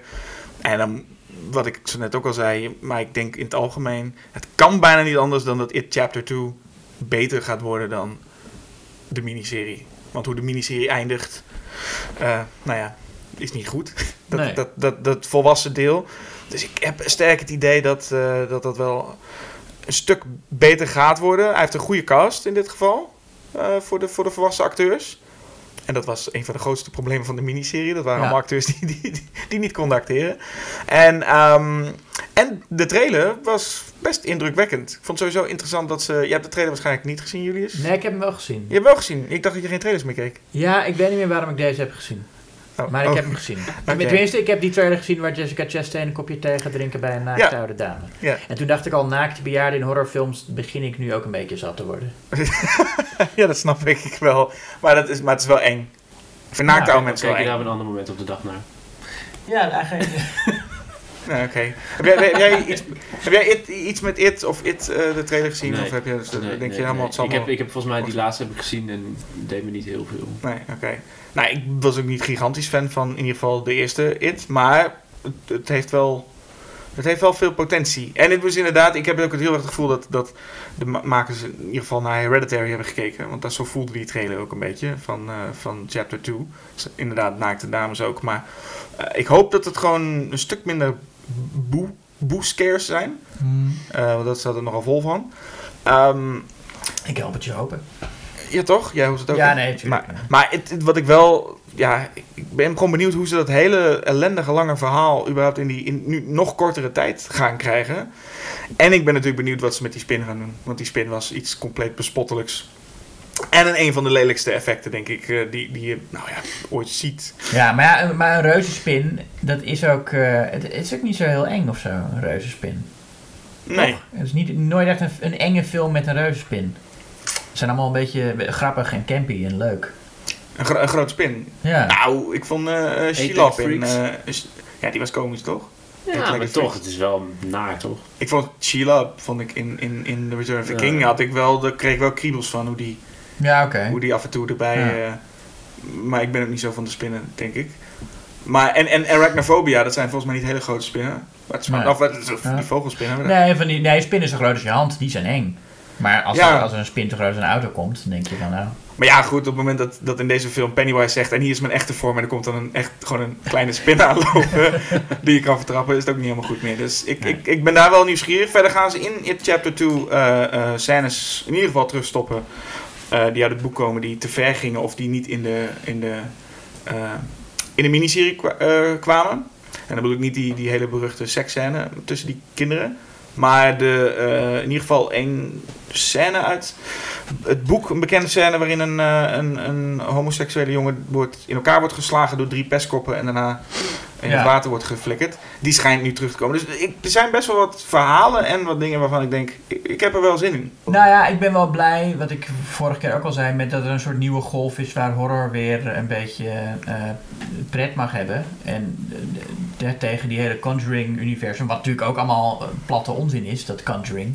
Ja. Maar dat heeft nog wel een beetje zo'n soort, wat je net al zei, van we gaan het allemaal niet eh, laten zien. En het is een beetje creepy en onderhuids, proberen ze het te doen. Ja. En ik ben wel blij dat er nu dan eh, films zijn als, als It en, eh, en Child's Play ook, die, die, die veel explicieter durven te zijn.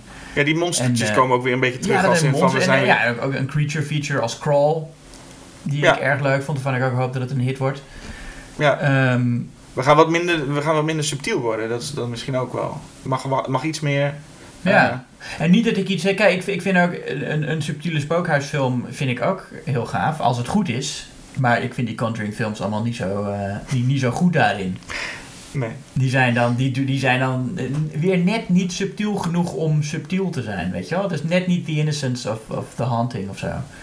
Klopt. Nee, ik juich ook de terugkeer van, eh, van de monsters toe. En voor mij mogen er nog eh, mogen alle monsters, eh, alle filmmonsters die ooit hebben bestaan, weer gewoon terugkomen in een, in een film. Beginnend bij nu in ieder geval Pennywise. Waar, waar, waar Rolf, heb, jij- iets waarvan je zegt, daar kijk ik, daar kijk ik nou wel naar uit? Ehm, ja, eigenlijk eh, ehm, eh, de, de nieuwe Lord of the Rings serie. De, de, de biggest, biggest serie ever made, bla bla bla. Ja. Eén- 1,6 miljard geloof ik gaat dat inkosten. Het eerste seizoen ja. shit. En, en nou, keek je er nou al vanaf het begin aan uit? Of dacht je net zoals bijna de hele mensheid als in toen ze dat aankondigden van, wat, waarom? We Ja. net dit gehad? Of- Nee, ja. Ik, ik heb er wel mijn twijfels over, maar ik, eh, ehm, ik heb gehoord dat ze in Nieuw-Zeeland weer gaan draaien. Eh, er was eerst sprake van dat ze in Vancouver gingen draaien. Ik hoorde Schotland, maar... Ja, nee, er zijn een heleboel dingen voorbij gekomen. Ik, heb, ik heb toevallig van een jongen die ik ken die bij Weta werkt. Die heeft gezegd dat ze echt in eh, Nieuw-Zeeland gaan draaien, maar aan de andere kant van Nieuw-Zeeland. Dus en ze hebben alle oude stok van Weta geloof ik opgekocht. Maar is dat aan de andere kant, is dat puur van, we gaan...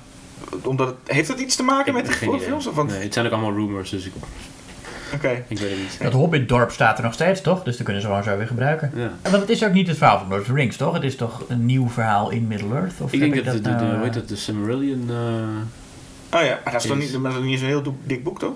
ja, maar het is wel een soort van encyclopedie over... Ja, er zijn niet Oh, echt verhalen in. Nee. Maar hij heeft wel nog een aantal losse verhalen geschreven, Tolkien, die, eh, die ook in Middle-earth gesitueerd zijn. Maar misschien wordt het wel allemaal korte, korte verhaaltjes. Ik denk als ik hoor eh, 1, komma zoveel miljard, dan denk ik, nou, dan gaan ze ook niet zo'n hele grote gok wagen, toch? Dan gaan ze niet voor een heel obscuur verhaal of een... Nee. Dan, dan lijkt me bijna meer dat er gewoon een remake komt. Maar dat, dat zal ook wel nu heel gek zijn om zo vroeg. Nou ja, er zullen ongetwijfeld hobbits en orks in zitten. Maar ik denk niet dat ze gewoon Lord of the Rings gaan doen. En volgens mij is dat ook Nee, niet aangekondigd. Voor mij is echt aangekondigd dat het een nieuwe Middle-earth... eh dus we weten helemaal niks van waar we het over hebben. We weten niks waar we het over hebben, nee. Maar, we- Daar, daarom luister je naar deze podcast. maar suggereert, is, is het, zijn het dezelfde makers überhaupt? Want wat Peter Jackson sowieso niet. Nee, nee ik ik hoop ook dat er wel een andere blik op Middle-earth komt nu. Ja, Dat, eh, want die zoon van Tolkien was ook helemaal niet tevreden met wat Peter Jackson van Middle-earth had gemaakt.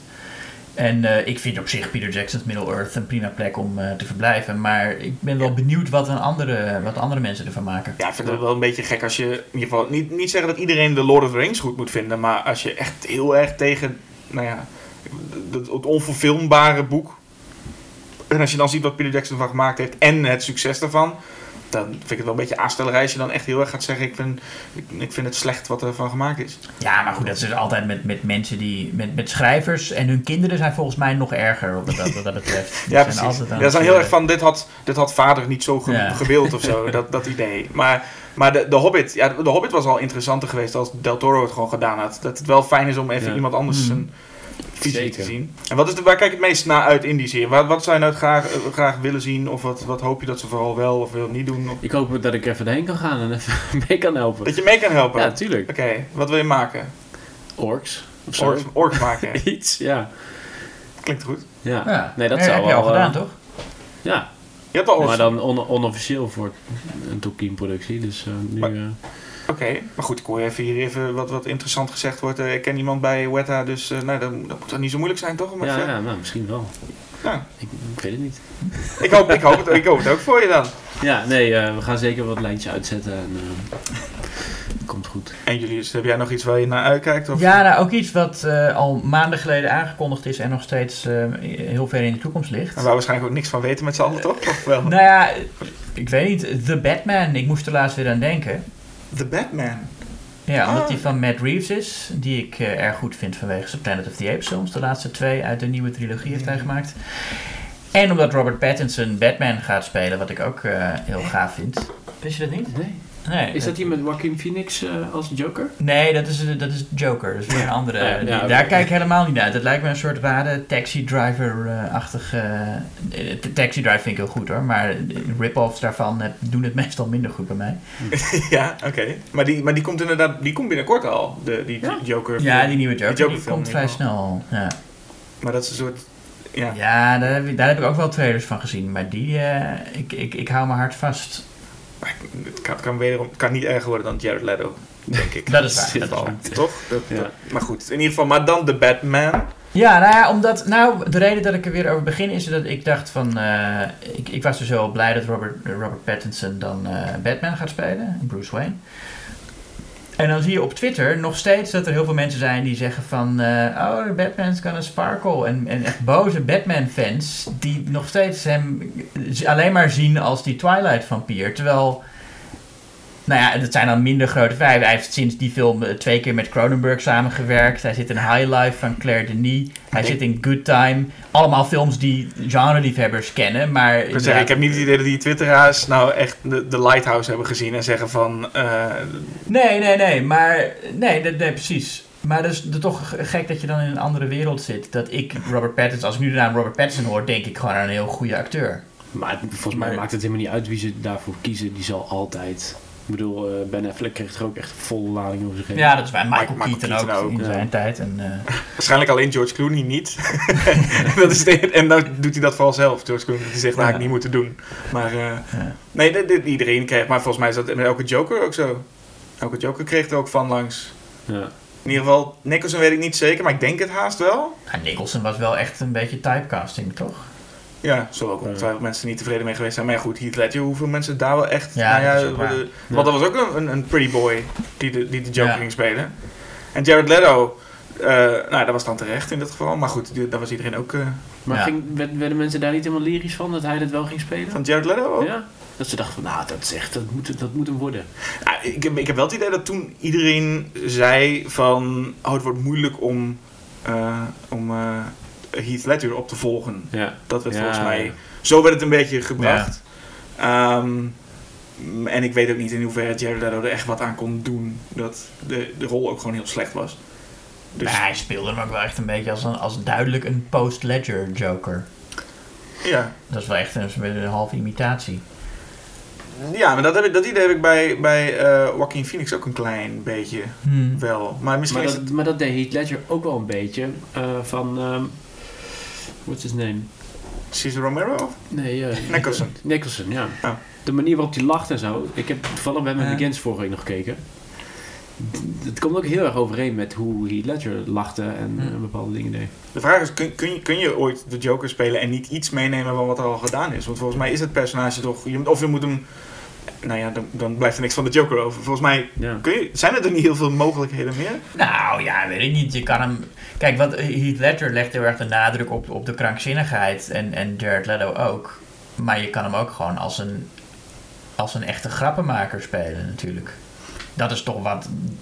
Waar hij ook eh, zeker oorspronkelijk onbekend stond. Dat niet dat het, dat het een Maar dan zit nare het, gek was, maar, maar dat zit het dan niet meer in script dan in, in hoe je hem speelt? Want ik, ik heb het idee dat het script vooral dan de Joker anders neer moet zetten. Eh, ik denk dat het ook in de rol zit. Maar goed, de, de Batman, dat is Ja, dus Robert eh, Pattinson. maar weten we verder nog iets? Of is eh, Matt Reeves? Nou, Robert Matt Pattinson? Reeves en, en dat ik er benieuwd naar ben. En nou, dat ik ook blij ben dat DC heel onverwachts opeens eh, goed is geworden in superheldenfilms maken. Sinds, nou, ik vond Wonder Woman dus al, al goed, maar Shazam heeft bevestigd dat zij nu echt Eh, ja, Shazam is een veel betere superheldenfilm, vind ik, dan, dan wat er in het, in het MCU de afgelopen jaren is eh, gemaakt. Buiten de Guardians of the Galaxy eh, films. En, en, en Thor Ragnarok. Ja, ik ben geen liefhebber van de Avengers films en zo. Ehm, en ik denk dat DC heel fijn teruggaat naar de, naar, de, naar, naar, naar de basis. En gewoon echt, zoals in Shazam, een, een soort origin story. Waarvan ik een paar jaar geleden nog zei dat ik ze helemaal zat was. Maar zo zie je maar weer hoe een, hoe een goede film je van gedachten kan doen veranderen. Ehm, een origin story met, met gewoon heel... Mensen die ook letterlijk zeggen van je bent een superheld en daar is een superschurk. Het woord supervillain wordt heel vaak eh, geroepen. En, en, en, good en evil en zo. En alles waarvan je eigenlijk dacht dat het, eh, dat het, dat het niet meer kon, wordt zo goed uitgevoerd dat het weer eh, wel kan. En ik denk dat DC daarmee eindelijk een beetje hun draai gevonden hebben. Dat zij echt die, ja, gewoon de klassieke superheldenfilm eh, weer kunnen gaan maken. Ik, ik begrijp hieruit dan dat je toch wel een Batman eh, origin story zou willen? Nee, nee, nee. Want dat, daar heb ik nou helemaal geen zin in om nog een keer... Nee, die- dat, dat is, nee, zo bedoel ik dat niet. Maar wel eentje die eh, heel klassiek is in zijn benadering van het superheldengenre. Ja, oké. Zoals de, de Tim Batman, de, de Tim Burton Batman. Tim Batman. Tim Batman. Tim De- Batman. Zoals de Tim Burton Batman was ook geen origin story, maar was wel ook een film die eh, dat genre. Nou ja, in, in die tijd was het vernieuwend duister, maar het was toch ook een vrij klassieke benadering van. eh, Ja, er werd toch ook in, tot in de puntje uitgelegd wat er gebeurd was met zijn ouders en zo, toch? ja, werd wel allemaal uitgelegd, maar je zat niet een half uur te wachten tot hij dat pak aandeed. Nee, oké, ja, ja. Nou, ik kan me voorstellen dat die casting... eh, ik, zou ook prima casting volgens mij, Robert Pattinson. Maar ik denk gewoon, als zolang die die stem van Christian Bale niet opzet, vind ik het, vind ik het prima. Want ik vind, Dat Ja. is denk ik ook een beetje onvermijdelijk, toch? Hij kan niet Die stem? gewoon zijn... nou, wat ze met Ben Affleck deden was nog wel slim. Maar Gewoon- een soort stemvervormer of zo. ja, stem vervormen. Wat ik gewoon... Ja. Ik bedoel, dan heb je zeg maar een... Ja. een, een, een eh, hoe heet dat? Batman die, die is ongelooflijk rijk, heeft overal gadgets voor, heeft overal dingen voor. En, maar als hij dan van stem moet veranderen, moet hij zo Ja, praten. was iemand Dat- zijn mond herkent. Ja, nee, ik vind het gewoon met die stem. Waarom zou je een andere stem opzetten als Batman? Vind ik ook onzin. Nou, je herkend kan worden in je stem. Ja, maar je kan toch ook herkend worden in je mond? Maar het zit in het... Ja, dat, is het. Als, als, het zit- als, het, als het echt zou zijn, dan zou natuurlijk een foto van Batman in de krant staan en zou, zou je de volgende dag zeggen, oh, het is. Bruce Wayne. Weet je wel? Dat is gewoon, je hebt, je hebt, je hebt, je hebt eh, computers die dat kunnen, ja, wat ze tegenwoordig allemaal niet met computers kunnen. nou zeg. dus Maar weet je wat het wel is? Dan heb je dan alsnog dat Batman in hetzelfde universum leeft als Superman, die een bril opzet en vervolgens een journalist kan zijn. Nou, ja, precies. Dus dan weet ik niet Nou, waar als we Batman... naar realisme gaan kijken in superheldenfilms, dan zijn we volgens mij nog heel lang bezig. Ja, Dat is dus waar. daarom laat Batman gewoon lekker gek doen. En, eh, En lekker shiny en sparkly zijn, zoals Robert Pattinson. ja. Oké. Nee, maar laat, nou, laat Batman gewoon... Hij is sowieso ook geen... Want het hele idee van eh, Batman is dat hij dan geen superkrachten heeft. En dat maakt hem al de minst overtuigende superhelden, een superheld. Ja, Dat hij, dat, hij, dat hij zonder superkrachten al die, eh, weet je wel, al, eh, al, die mensen kan verslaan. En ook nog eens zonder iemand dood te maken. Ja. En vooral toch gewoon heel veel dingen om zijn riem mee hangen. Waar die, dat hij steeds kan gebruiken. Dat gevoel heb ik. Misschien is dat nog van Ja. Adam West vooral. Maar volgens mij is het altijd dat hij Nee, dat heeft hij. dingen, dat heeft voor, hij. dingen uit zijn...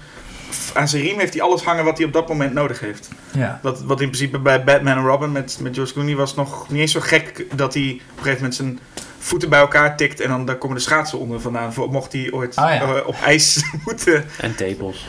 En tepels. Ik weet niet of die nuttig waren. Sowieso. is- Je weet het niet, hè? Nee, Misschien als dat hij er één keer tegenaan flikte, dat er dan een kogel uitkwam of zo. Ja, dat is waar.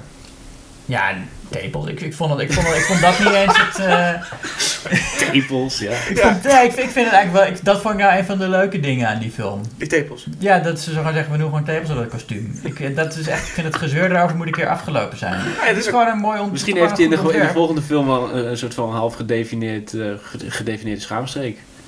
dat zou ook wel mooi zijn. Om een soort van next level te gaan. Ja.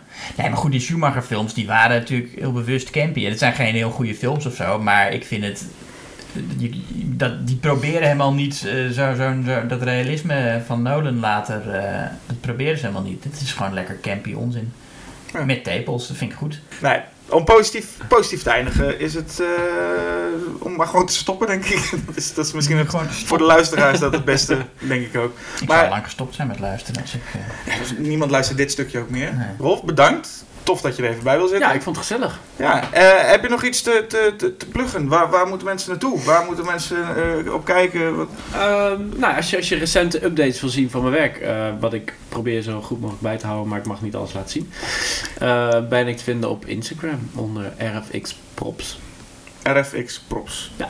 Top. Nou, dan, hou- dan ga je allemaal je in de gaten houden met wat je allemaal gaat doen. En dan kijk, daar komen ook de Netflix-updates zodra je er wat over mag zeggen op. Ja, zodra ik iets mag laten zien, zet ik het erop.